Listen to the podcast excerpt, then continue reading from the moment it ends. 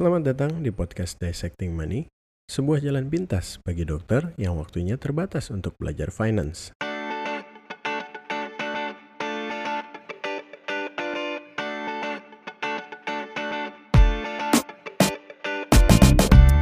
Hello, selamat datang kembali di podcast Dissecting Money. Kita sekarang sudah sampai di episode ke-24 dari podcast ini, dan kali ini saya mau kasih judul episode ke-24 passive indexing. Apa itu passive indexing dan bagaimana cara berinvestasi dengan cara passive indexing ini? Nanti kita akan bahas lebih dalam. Sebelumnya uh, saya mau minta maaf karena beberapa sudah menanyakan gitu ya, dok ini podcast berikutnya kapan?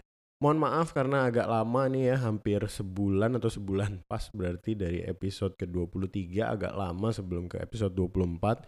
Ya karena saya cukup burnt out gitu ya kemarin jadi terlalu banyak webinar mungkin jadi ada beberapa yang materinya perlu saya persiapkan. Kemudian uh, di rumah sakit juga ada beberapa pekerjaan yang belum bisa ditinggal. Jadinya materinya udah ditulis untuk podcast tapi belum sempat uh, rekaman. Jadi akhirnya nih kali ini sempat dan mudah-mudahan ke depannya bisa konsisten dan masih bisa punya ide-ide. Karena saya sendiri melihat kalau misalnya saya jarang baca Artinya saya kebanyakan uh, nulis gitu ya, bacanya jarang, biasanya inspirasinya juga jadi macet tuh. Jadi saya tetap harus atur waktu dengan baik untuk bacanya juga tetap jalan. Anyway, um, housekeeping dulu di awal-awal seperti biasa. Jangan lupa untuk cek juga website saya di www.dissectingmoney.com terutama karena di posting yang berdekatan dengan launchingnya episode 24 ini saya juga ada artikel mengenai reksadana index yang basically akan menjadi inti daripada passive indexing ini. Jadi ya silahkan aja yang mau baca di situ ya baca. Kalau yang lebih suka denger ya dengerin episode ini. More or less yang akan saya bahas sama, cuma mungkin di episode podcast ini saya bahas uh, lebih mendalam sedikit karena lebih enak kan sambil ngomong daripada uh, harus menuangkan dalam bentuk ketikan.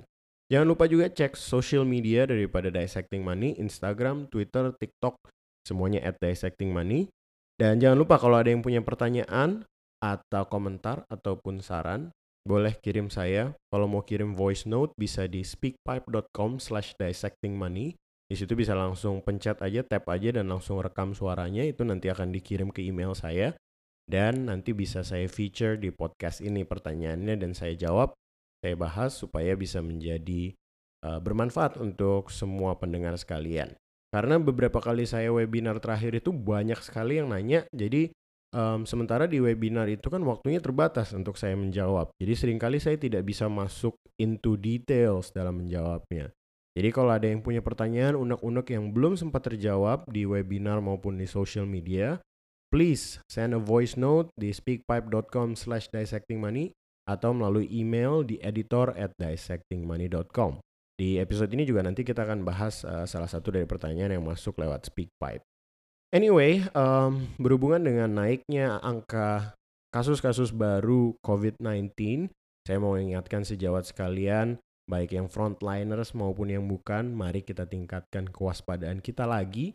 Karena saya sendiri pun kemarin sempat mulai kendor gitu ya, udah pengen ke mall lagi, udah pengen ngopi-ngopi lagi, udah pengen nongkrong sama temen-temen. Cuma melihat kasus barunya makin banyak, rumah sakit rujukan khusus COVID-nya juga mulai penuh lagi. Jadi saya kira kayaknya kita mesti raise our awareness lagi. Jangan lupa untuk sering-sering cuci tangan, jangan sentuh muka, pakai maskernya yang benar, sebelum pulang dari rumah sakit mandi dulu sebelum ketemu keluarga, dan lain sebagainya. Jangan sampai terus kita lengah dan akibatnya jadi terjadi hal-hal yang tidak kita inginkan.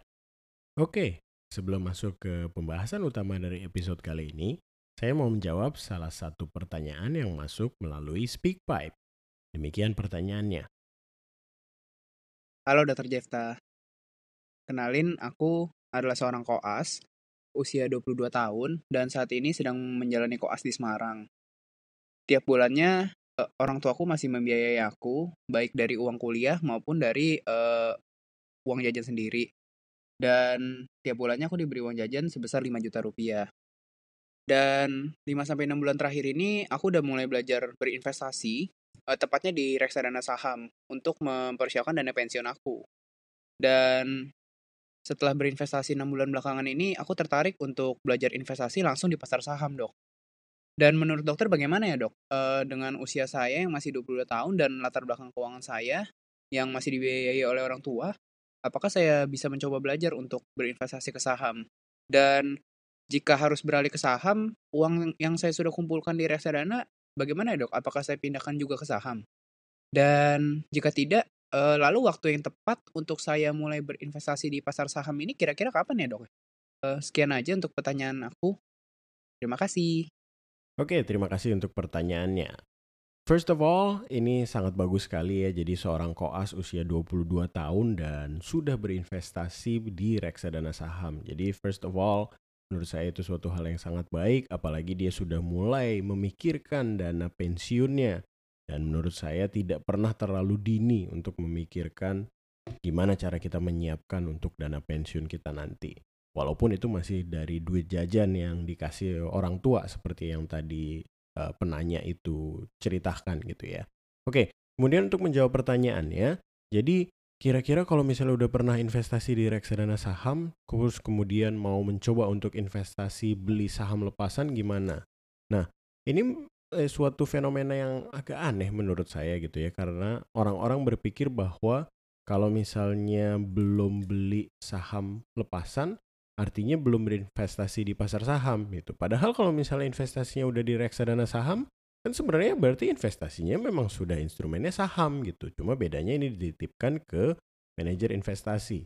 Jadi menurut saya sih jangan dibeda-bedakan gitu ya. Jadi kalau misalnya kita bilang kita adalah investor saham, mau itu ditaruh di reksadana saham ya sama aja sebenarnya. Kalau misalnya saham lepasan ya kita berarti pilih sendiri emiten-emitennya kita analisa sendiri dan kemudian kita beli emiten saham lepasannya. Jadi menurut saya ini suatu hal yang sama sebenarnya cuma berbeda caranya aja. Sehingga menurut saya nggak ada masalah kesiapannya kapan seseorang bisa kemudian jadi langsung beli saham sendiri. Ya itu sih menurut saya terserah silahkan aja. Kalau misalnya mau ya tinggal buka rekening di perusahaan sekuritas sehingga kemudian kita punya RDI rekening dana investor atau RDN rekening dana nasabah sehingga kita bisa beli sendiri melalui perusahaan sekuritas tersebut emiten-emitennya. Tapi jangan lupa kalau misalnya mau beli saham lepasan kan kita harus pilih sendiri sahamnya, kita harus analisa sendiri. Jadi ini pasti ada cukup uh, banyak kesulitan dan uh, learning curve yang harus dihadapi sehingga kita mesti melakukan diversifikasi sendiri. Di portfolio kita kita harus cukup diversified dan itu kita harus melakukannya sendiri. Kalau misalnya memang nggak mau ribet, ya udah stay aja di reksadana saham. Dan kalau misalnya lebih nggak mau ribet lagi, ya di reksadana indeks. Kenapa? Karena alasan-alasan yang akan saya bahas di episode kali ini. Oke, kita masuk ke inti daripada pembahasan episode 24 ini yaitu passive indexing atau cara berinvestasi secara pasif dengan reksadana indeks. Kenapa saya mau bahas ini khusus di dalam satu episode podcast? Karena ternyata setelah beberapa kali ini baik di social media maupun di webinar saya utarakan mengenai reksadana indeks, ternyata banyak yang belum paham apa itu reksadana indeks, apa perbedaannya dengan reksadana saham biasa, dan bagaimana cara menggunakannya. Sementara untuk beberapa orang yang sudah mengikuti blog saya, mengikuti grup Telegram, dan lain sebagainya, mungkin udah banyak yang tahu bahwa cara dan gaya berinvestasi saya yang utama untuk mencapai financial independence retire early atau FIRE adalah dengan reksadana index atau yang di buku-buku finance luar negeri dikenal dengan istilah index fund. Kenapa saya mainly maunya cuma di reksadana index? Karena menurut saya it's the only thing that makes sense. Tapi saya mau tekankan bahwa ini bukanlah sebuah rekomendasi. Karena kalau misalnya saya merekomendasikan nanti yang jadi yang ada adalah sejawat dan pendengar hanya kemudian ngikutin gitu ya. Oh iya kata dokter Jefta reksadana indeks bagus beli beli beli beli beli. Terus nggak tahu apa yang dibeli nanti suatu, suatu saat ada kenapa-napa jadi menyalahkan saya gitu. Jadi saya nggak mau. Ini hanya pendapat saya. Ini purely my opinion on why I only invest in index fund atau reksadana indeks. Jadi saya kira itu harus didisklaim dulu di awal bahwa ini bukanlah sebuah rekomendasi. Ini hanya kenapa saya memilih untuk berinvestasi dengan reksadana indeks. Nah tentunya untuk mengetahui bagaimana cara berinvestasi di reksadana indeks, kita mesti tahu dulu dong, reksadana indeks itu apa? Semua udah tahu reksadana itu artinya kita menitipkan uang ke manajer investasi untuk kemudian duit kita diatur oleh si manajer investasi. Nah, tipe manajemennya ada manajemen aktif dan manajemen pasif. Untuk yang udah baca artikel saya di website yang reksadana untuk pemula, pasti udah paham lah sedikit banyak apa sih bedanya manajemen aktif dan pasif. Jadi kalau manajemen aktif, dia akan mencoba untuk mengalahkan return atau imbal hasilnya market atau indeks harga saham gabungan atau IHSG. Makanya kalau misalnya orang di luar sana milih-milih reksadana pasti lihat yang returnnya tinggi banget, yang returnnya paling tinggi yang berhasil mengalahkan IHSG. Sementara kalau misalnya manajemen pasif, dia adalah manajer investasi yang hanya akan mengikuti atau istilahnya tracking kalau di dunia finance itu dia akan tracking indeks yang diikuti. Nah, di sini mungkin banyak yang bingung, indeks itu apa sih? Indeks itu adalah sekumpulan saham atau sekumpulan emiten. Kayak kalau misalnya kita di kedokteran tuh sindrom adalah sekumpulan gejala atau sekumpulan symptoms, maka indeks adalah sekumpulan emiten saham. Kalau misalnya IHSG, indeks harga saham gabungan, artinya itu adalah sekumpulan saham yang ada di bursa kita. Jadi keseluruhan emiten saham yang beredar di bursa kita itu namanya indeks IHSG. Tapi kita memiliki indeks-indeks lain yang isinya lebih sempit, yang isinya lebih kecil. Seperti misalnya LQ45 itu artinya 45 top emiten dengan kapitalisasi pasar terbesar. IDX30 lebih sempit lagi, hanya 30 isinya. Walaupun isinya juga mainly dari LQ45 tadi, tapi adalah 30 emiten saham dengan kapitalisasi pasar terbesar. Artinya apa sih kapitalisasi pasar terbesar? Artinya adalah mereka adalah tenaga utama yang menggerakkan nilai IHSG. Kan kita paling sering banget dengar gitu ya, eh IHSG hari ini naik 1,7 persen misalnya, eh, IHSG hari ini turun loh e, minus 2 misalnya. Indeks-indeks ini berisi sekumpulan emiten atau berisi sekumpulan saham. Nah banyak ada indeks-indeks lain, Serika Hati, indeks syariah, dan lain sebagainya. Jadi sebelum kita mau investasi di reksadana indeks, kita mesti tahu dulu indeks mana yang diikutin. Karena kalau misalnya kita merujuk kepada buku-buku finance di luar sana, pada saat mereka ngomong index funds, ada yang total stock market index. Artinya indeks ini berisi semua saham yang ada di bursa saham US dan kita bisa beli reksadana indeks yang berisi total stock market itu. Nah di kita nggak ada. Jadi belum ada reksadana indeks yang melakukan tracking terhadap keseluruhan saham yang ada di IHSG. Adanya ada yang mengikuti indeks-indeks seperti IDX30, LQ45, Serika Hati, indeks syariah, dan lain sebagainya. Jadi di kita memang lebih sedikit pilihannya dan lebih sempit. Jadi nggak eh, diversifikasinya tidak seluas yang indeks fund yang ada di US. Saya kira ini yang perlu diketahui dulu. Jadi indeks itu apa? Nah, kembali lagi, manajemen pasif itu hanya akan melakukan tracking. Dia tidak akan mencoba mengalahkan return IHSG. Dia maunya sama aja. Nah, portfolio yang dimiliki oleh si manajer investasi pun akan menyesuaikan persentase dari kapitalisasi indeks gitu. Misalnya nih ya, misalnya kalau kita lihat sebuah reksadana indeks yang mengikuti indeks IDX30. Kuncinya apa? Biasanya kalau kita cari namanya ya reksadana indeks IDX30 keluar tuh namanya aset manajemen mana aja yang mengikuti uh, indeks IDX30 dan setahu saya sih paling banyak yang memang mengikuti IDX30. Jadi gini, kalau misalnya di dalam indeks IDX30 itu saham salah satu lah ya misalnya kita pilih saham bank BCA, BBCA karena ini kan yang pemilik kapitalisasi market terbesar di IHSG. Nah kita lihat persentase BBCA terhadap keseluruhan kapitalisasi pasar IHSG itu berapa? Misalnya nih saya udah cari tahu 14%. Maka si manajer investasi akan mengatur portfolionya supaya dari semua dana yang dia punya 14% akan ada di BBCA. Kalau misalnya BBRI sekian persen, maka portfolio dia pun akan sekian persen sesuai dengan tadi berapa persen kapitalisasi emiten tersebut terhadap keseluruhan IISG. Nah ini yang disebut dengan uh, matching gitu. Jadi portfolio dia akan mengikuti persentase dari emiten-emiten IDX30 tersebut terhadap keseluruhan IDX30. Jadi menurut saya ini suatu cara yang masuk akal gitu ya daripada kita mencoba untuk mengalahkan market ya udah lebih baik aja kita ikutin aja apa yang terjadi di luar sana sesuai persentase dan kapitalisasi pasar yang terjadi dalam sebuah indeks. Akibatnya return IDX 30 berapapun yang biasanya menyerupai IHSG, ya kita juga dapatnya sejumlah itu.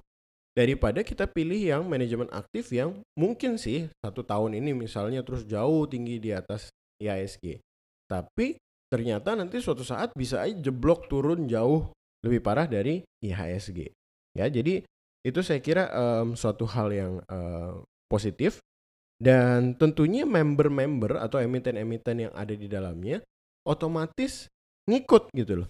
Kalau misalnya member daripada IDX30 atau LQ45-nya berubah, maka si manajer investasi itu otomatis harus menyesuaikan.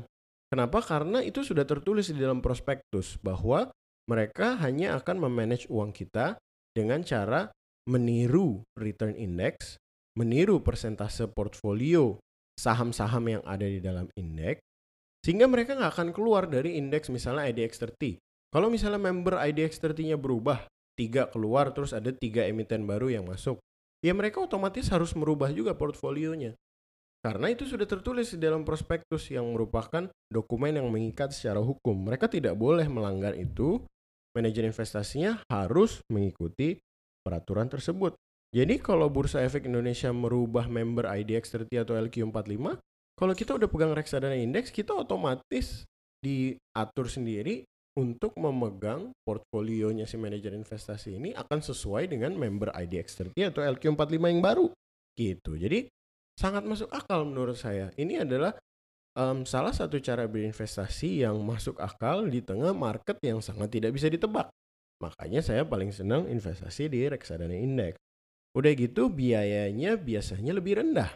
Kenapa? Karena jelas manajemen aktif tadi kan untuk bisa mengalahkan indeks atau mengalahkan IHSG, berarti kan dia harus ada cari cuan dong. Artinya mau nggak mau pasti si manajer investasinya juga melakukan trading. Mencoba untuk membeli beberapa saham di harga murah dan kemudian menjualnya di harga tinggi. Biasanya di saham-saham yang harganya murah atau yang misalnya dikenal dengan saham-saham gorengan. Itulah sebabnya saya tidak mau reksadana selain reksadana indeks.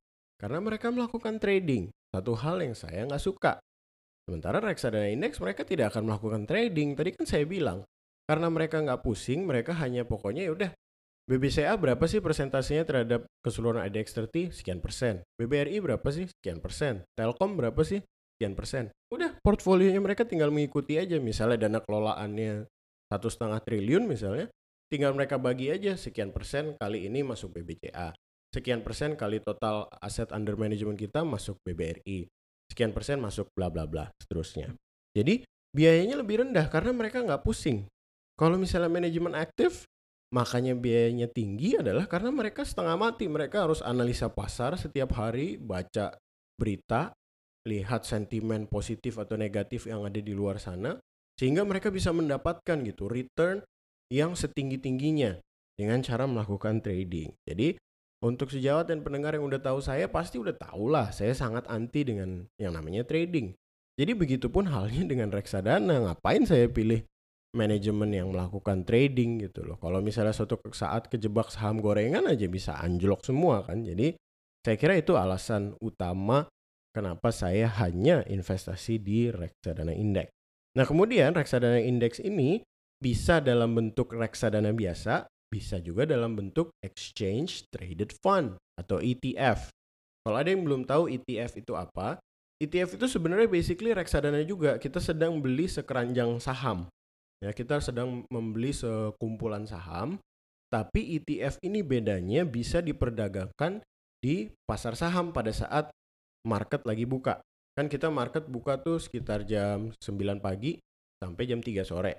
ETF ini bisa diperdagangkan di uh, saat market itu buka. Kalau misalnya reksadana nggak bisa, kita harus tunggu sampai market close atau bursa ditutup. Kemudian nanti manajer investasi hitung hitung hitung hitung hitung harga per unitnya jadi berapa, baru kemudian kita bisa jual atau beli unit reksadana tersebut.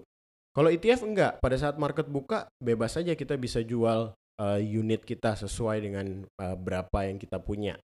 Tetapi ETF itu masalahnya likuiditasnya rendah. Likuiditas itu apa? Artinya kalau misalnya suatu saat kita mau jual belum tentu ada yang mau beli karena peminatnya sedikit atau masih sedikit mungkin. Nah, sementara kalau misalnya index funds yang diomongin di buku-buku luar negeri, Amerika misalnya bursa Amerika, itu mereka mainly kalau ngomong index fund biasanya ngomong ETF karena di mereka udah liquid. Misalnya saya punya sekian M di ETF index A gitu ya saya mau cairin kapan pun ya bisa gitu loh. Tinggal pada saat market market mereka buka ya saya jual aja kalau di kita agak susah karena likuiditasnya rendah sehingga pada saat kita mau jual takutnya ya nggak ada yang mau beli gitu ya jadi itulah alasannya uh, saya sementara masih belum memilih ETF sebagai instrumen investasi utama. Jadi saya tetap di reksadana indeks biasa, di mana saya beli unitnya ke si manajer investasi tersebut. ETF sendiri sebenarnya enaknya kalau misalnya punya, itu portfolionya dilaporin setiap hari. Jadi dikirimin ke investor yang punya unit ETF-nya. Oke, hari ini kepemilikan kami adalah sekian. Jadi ada satu page gitu ya, PDF, yang isinya adalah berapa ribu lembar saham A yang kita punya, berapa ratus lembar saham B yang kita punya hari ini. Jadi kita benar-benar bisa pantau nih. Kira-kira dia ada beli saham yang aneh-aneh nggak? Yang perlu kita waspadai nggak? Walaupun kalau misalnya indeks ya sebenarnya kita nggak perlu ya buang-buang waktu. Orang udah pasti mereka mengikuti indeks yang diikuti kok. Tuh. Jadi itu kira-kira poinnya jangan lupa bahwa ada yang bentuknya ETF, ada yang reksadana indeks biasa. Nah kemudian mungkin ada yang berpikir emangnya IDX30 otomatis mencerminkan IHSG atau market secara keseluruhan. Tadi kan dokter bilang bahwa nggak uh, mau mengalahkan market, maunya menyamai market aja. Boleh silakan dicek gitu ya. Saya sendiri sudah melakukan pengecekan dan bah uh, returnnya IDX30 itu kurang lebih sama sama IHSG. Jadi kurvanya IHSG itu ditiru uh, sama IDX30. Dan saya udah melakukan sedikit research dan ternyata IDX30 itu merepresentasikan 64% dari total dana yang berputar di Bursa Efek Indonesia. Jadi ya mewakilinya representatifnya sekitar 64% lah. Yang menurut saya it's good enough. Jadinya menurut saya sih cukup representatif sehingga di grafiknya pun kelihatan gitu loh bahwa IDX30 naik turunnya tuh sangat mirip sama IHSG. Karena ya 64% penggeraknya adalah emiten-emiten yang ada di IDX30 anyway. Jadi ya menurut saya untuk indeks yang terkecil pun yang IDX30 itu kita masih bisa menangkap return yang sesuai dengan IHSG secara keseluruhan. Sehingga nih kalau ada yang bingung, um, karena banyak yang tanya ke saya bahwa gimana sih dok cara pilih reksadana uh, saham misalnya ya kalau kita nggak ngomongin obligasi sama pasar uang lah ya kita lagi ngomong reksadana saham indeks atau reksadana saham biasa. Nah orang sering tanya gimana caranya milih reksadana saham? Apakah berdasarkan aset under management atau AUM-nya atau berdasarkan Sharpe ratio, berdasarkan rasio-rasio yang lain atau berdasarkan return-nya saja? Nah saya sulit jawabnya karena kalau misalnya reksadana saham ya berarti kita harus lihat performancenya dia selama ini gimana gitu loh. Returnnya gimana berhasil mengalahkan marketnya seberapa tinggi cara investasinya gimana kenapa dia bisa dapat return segitu tinggi? Apakah dia dapatkan dari emiten-emiten yang blue chips atau yang bukan jadi agak lebih rumit memang harus dihitung-hitung semua gitu sementara kalau reksadana indeks jauh lebih gampang memilihnya kita tinggal tahu satu angka yang dinamakan tracking error Tracking error tuh sebenarnya apa sih? Tracking error tuh sebenarnya angka yang menghitung seberapa jauh dia berdeviasi atau error dalam tanda kutip dari mengikuti return index. Misalnya IISG hari ini minus 1,7 persen. Kalau tracking errornya 0, artinya return dari reksadana indeks itu juga persis minus 1,7 persen. Kalau misalnya besok plus 0,57 persen misalnya IHSG, maka kalau tracking error yang makin sempit, dia akan semakin mendekati angka 0,57% tersebut. Jadi nggak pusing gitu loh. Kita tinggal lihat aja tracking errornya seberapa mirip dia sama indeks yang diikuti. Kalau misalnya terlalu jauh, berarti ada yang aneh justru. Loh, Kenapa? Katanya tadi portfolionya sama sama representatif jumlah kapitalisasi pasar terhadap seluruh indeks. Harusnya returnnya otomatis mirip dong. Kalau misalnya ada yang nggak mirip, justru kita jadi tanda tanya besar. Makanya untuk reksadana indeks jauh lebih mudah. Kita tinggal lihat aja tracking errornya berapa, dan kita lihat aja fee-nya berapa. Dan biasanya sih fee atau komisi atau biayanya itu ya cenderung kecil karena alasan-alasan yang sudah saya sebut tadi. Jadi berinvestasi di reksadana indeks adalah cara yang sangat mudah untuk investor. Sangat mudah untuk investor pemula bahkan. Karena kita mantau kinerjanya tinggal lihat aja tracking errornya bagaimana. Selain daripada itu udah pasti teratur kok. Itu sudah diatur dalam prospektus bahwa komponen portfolio dia nggak boleh keluar daripada indeks yang diikuti. Jadi itu um, sedikit penjelasan mengenai reksadana indeks.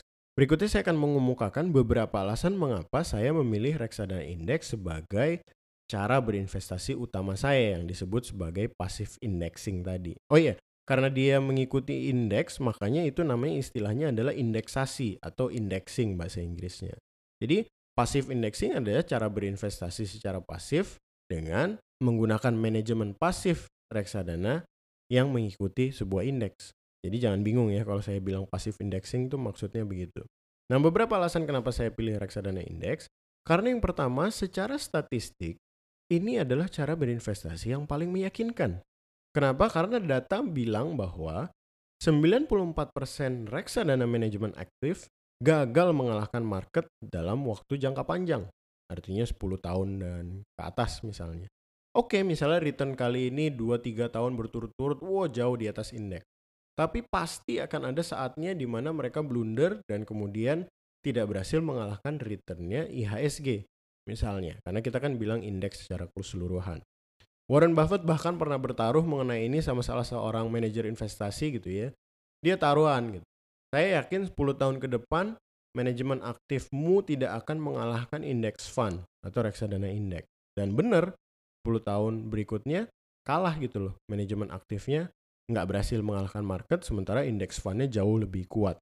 Jadi ya ngapain kita coba-coba untuk mengalahkan market? Kenapa kita nggak be the market atau jadi marketnya aja? Berapapun return dari market atau IHSG saat itu ya kita dapat segitu. Kalau lagi minus ya kita ikut minus, kalau lagi plus ya kita ikut plus. Jadi itu angkanya, 94% manajemen aktif akan gagal. Jadi buat apa saya pertaruhkan dana pensiun saya dan tujuan-tujuan investasi lain ke chance yang hanya 6%. Itu nggak masuk akal kan. Jadi ya buat saya yang masuk akal ya cuma reksadana indeks. Yang kedua tadi udah saya ungkapkan karena menurut saya passive indexing is the only thing that makes sense in the unpredictable market. Faktanya adalah tidak ada yang bisa menebak besok harga saham akan naik atau akan turun. Orang yang trader suka pakai istilah ya technical analysis saya bisa baca candlestick chart bla bla bla ya itu hanya tebak-tebakan jatuhnya gitu loh. Berapa chance-nya hanya berdasarkan luck atau keberuntungan. Kalau misalnya lagi dapat cuan ya itu artinya beruntung bukan karena analisanya berhasil beneran berhasil gitu. Jadi um, itu sesuatu yang saya tidak suka seperti sejawat dan pendengar sudah tahu. Sementara kalau misalnya kita pegang reksadana indeks yang hanya mengikuti market, diversifikasi kita otomatis sudah terdiversifikasi. Misalnya saya pegang indeks yang mengikuti LQ45, otomatis saya udah pegang semua saham yang ada di LQ45. Saya ikutin Sri Kehati Index misalnya. Otomatis saya udah pegang sekian puluh emiten yang ada di indeks tersebut. Jadi auto diversifikasi, kita nggak perlu pusing lagi. Dan isinya blue chip semua. Kalau misalnya ada yang punya mimpi untuk saya pengen deh punya saham-saham blue chips terutama karena ya lihat mereka itu yang kapitalisasinya besar, pertumbuhan kita lihat lima tahun bisa sekian puluh persen misalnya gitu ya. Lah ini reksadana indeks isinya kan blue chip semua. Karena mereka udah pasti ngikutin indeks-indeks yang megang kapitalisasi pasar terbesar di dalam IHSG. So, kenapa nggak punya blue chip semua aja? Dan kemudian tadi yang saya bilang, portfolionya auto arranging atau akan diatur secara otomatis. Member IDX 30 berubah, apa yang saya punya pasti berubah melalui si manajer investasi member LQ45 berubah, pasti portfolio saya juga ikut berubah. Jadi enak kan? Otomatis semuanya teratur sesuai dengan kaedah-kaedah yang sudah dituliskan di dalam prospektus. Dan kemudian alasan berikutnya adalah biaya rendah.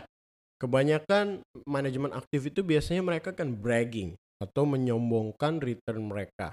Bahwa nih return gue jauh di atas IHSG. Cuma mereka juga nggak mau kita ngelihat bahwa biaya mereka pun besar. Saya bahkan ada melihat bahwa salah satu reksadana manajemen aktif yang sensasional memang returnnya jauh di atas IHSG ya 2-3 tahun ke belakang ini sebelum terjadinya krisis. Tapi fee-nya pada saat kita lihat expense ratio-nya itu hampir 5%. Karena sementara kita tahu compound interest ada yang bekerja untuk kita, artinya return kita berapa, ada yang bekerja melawan kita, dan yang melawan kita adalah fee. Bayangin nggak kalau expense ratio-nya hampir 5%, artinya tiap tahun return kita diambil 5%. Ya kalau positif, kalau negatif tetap juga dipotong sama dia 5%.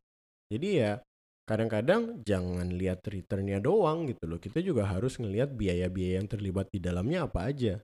Paling gampang kalau misalnya udah dihitungin sama aplikasi atau kita lihat di Bloomberg, kalau misalnya ada expense ratio-nya yang merupakan rasio yang menggambarkan seberapa banyak return kita akan diambil atau digrogoti oleh biaya. Jadi expense ratio adalah salah satu hal yang saya pentingkan juga di dalam memilih suatu instrumen reksadana. Kemudian alasan berikutnya nih yang spesifik untuk dokter dan mahasiswa kedokteran adalah ini adalah yang paling cocok untuk kita yang waktunya terbatas. Seperti saya bilang, seorang dokter yang praktek nggak mungkin bisa mengikuti pergerakan saham setiap hari. Orang jam 9 sampai jam 3 itu waktunya kita praktek, waktunya kita operasi, waktunya kita kerja, dan lain sebagainya. Nggak mungkin kita bisa nongkrongin monitor untuk coba pilih-pilih sendiri saham yang kemudian kita analisa valuasinya berapa lagi lebih murah nggak supaya kita bisa jadi value investor supaya saham itu nanti kita uh, capital gainnya berlipat-lipat ganda dapat dividen dan lain sebagainya itu butuh waktu untuk belajar dan mungkin perlu bertahun-tahun untuk bisa menjadi seorang value investor. Nah saya pribadi saya menganggap bahwa saya nggak punya waktunya sekarang untuk melakukan semua hal itu dan setelah saya pelajari Ternyata ada cara yang mudah yang bahkan dianjurkan oleh Warren Buffett sekalipun. Benjamin Graham sekalipun yang merupakan mentornya Warren Buffett. Dianjurkan juga oleh Tony Robbins, salah seorang motivator yang saya sukai di bukunya Money Master the Game. Jadi ada cara yang lebih gampang dengan hanya melakukan tracking terhadap indeks berapapun return indeks kita dapatkan dengan cara milikilah NIT reksadana indeks. Jadi kalau kita waktunya terbatas ya yang paling cocok ya investasi di reksadana indeks. Dan kemudian yang terakhir, sekalian saya sebagai penutup, adalah karena saya sudah hitung dengan cara menangkap return IHSG itu bisa mencapai tujuan investasi saya. Sebagai contoh gini, saya udah sering ngomong bahwa untuk dana pensiun saya membutuhkan dana sebesar 11 miliar IDR, 11 miliar rupiah pada bulan Januari tahun 2042. Ya, saya udah sering bilang itu. Dan saya udah hitung mundur dan ternyata saya memerlukan instrumen investasi yang returnnya di atas 11% per tahun. Dan kalau misalnya kita ikutin uh, returnnya IHSG rata atau means dari returnnya IHSG selama beberapa tahun ke belakang, ada yang ngitungin kok itu di internet tinggal dicari 10-20 tahun ke belakang, itu rata-rata 15%.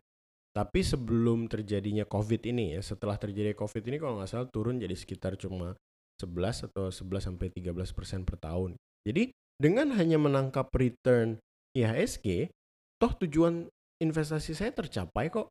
Ngapain saya nyari instrumen lain yang returnnya lebih besar, mengharapkan return lebih besar, sementara dengan hanya passive indexing aja tujuan saya udah tercapai.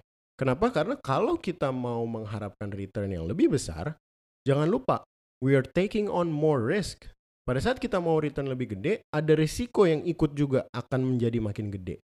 Sementara tadi saya udah bilang beberapa hal bahwa dengan hanya menangkap return IHSG aja tujuan saya tercapai dan melalui reksadana indeks ini adalah salah satu yang paling aman. Orang portfolionya pasti mengikuti blue chips blue chips semua kok.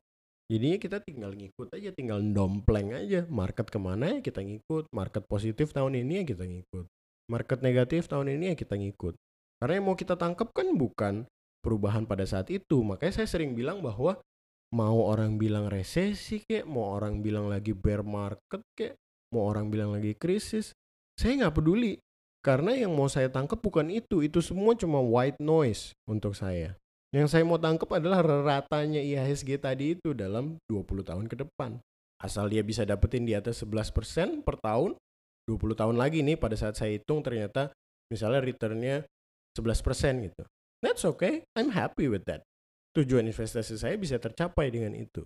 Sehingga saya nggak mau untuk coba pilih-pilih instrumen investasi investasi lain mengharapkan return yang lebih tapi saya jadi menaruh dana pensiun saya misalnya dalam risiko yang lebih besar risiko untuk kandas gitu loh. Jadi itulah beberapa hal yang membuat saya berpikir bahwa passive indexing atau investasi di reksadana indeks secara pasif ini adalah cara yang akan saya pegang dan merupakan strategi utama saya untuk mencapai tujuan-tujuan investasi saya terutama untuk mencapai dana pensiun. Sekali lagi ini bukan rekomendasi, jadi silahkan pelajari sendiri because selalu saya bilang your money, your rules. Jadi saya nggak akan pernah kasih rekomendasi. Ini hanya beberapa poin-poin yang siapa tahu bisa dijadikan pengetahuan tambahan untuk sejawat dan pendengar sekalian. Kalau misalnya ada yang punya pertanyaan atau komentar atau saran atau apa pun mengenai reksadana indeks dan bagaimana cara berinvestasi secara pasif, please send me emails atau send pertanyaan di voice note. Looking forward untuk pertanyaan kalian dan diskusi. See you on the next podcast episode. Bye-bye. Belajar finance itu tidak mesti rumit dan merepotkan. Jadi, kenapa nggak kita buat sederhana aja?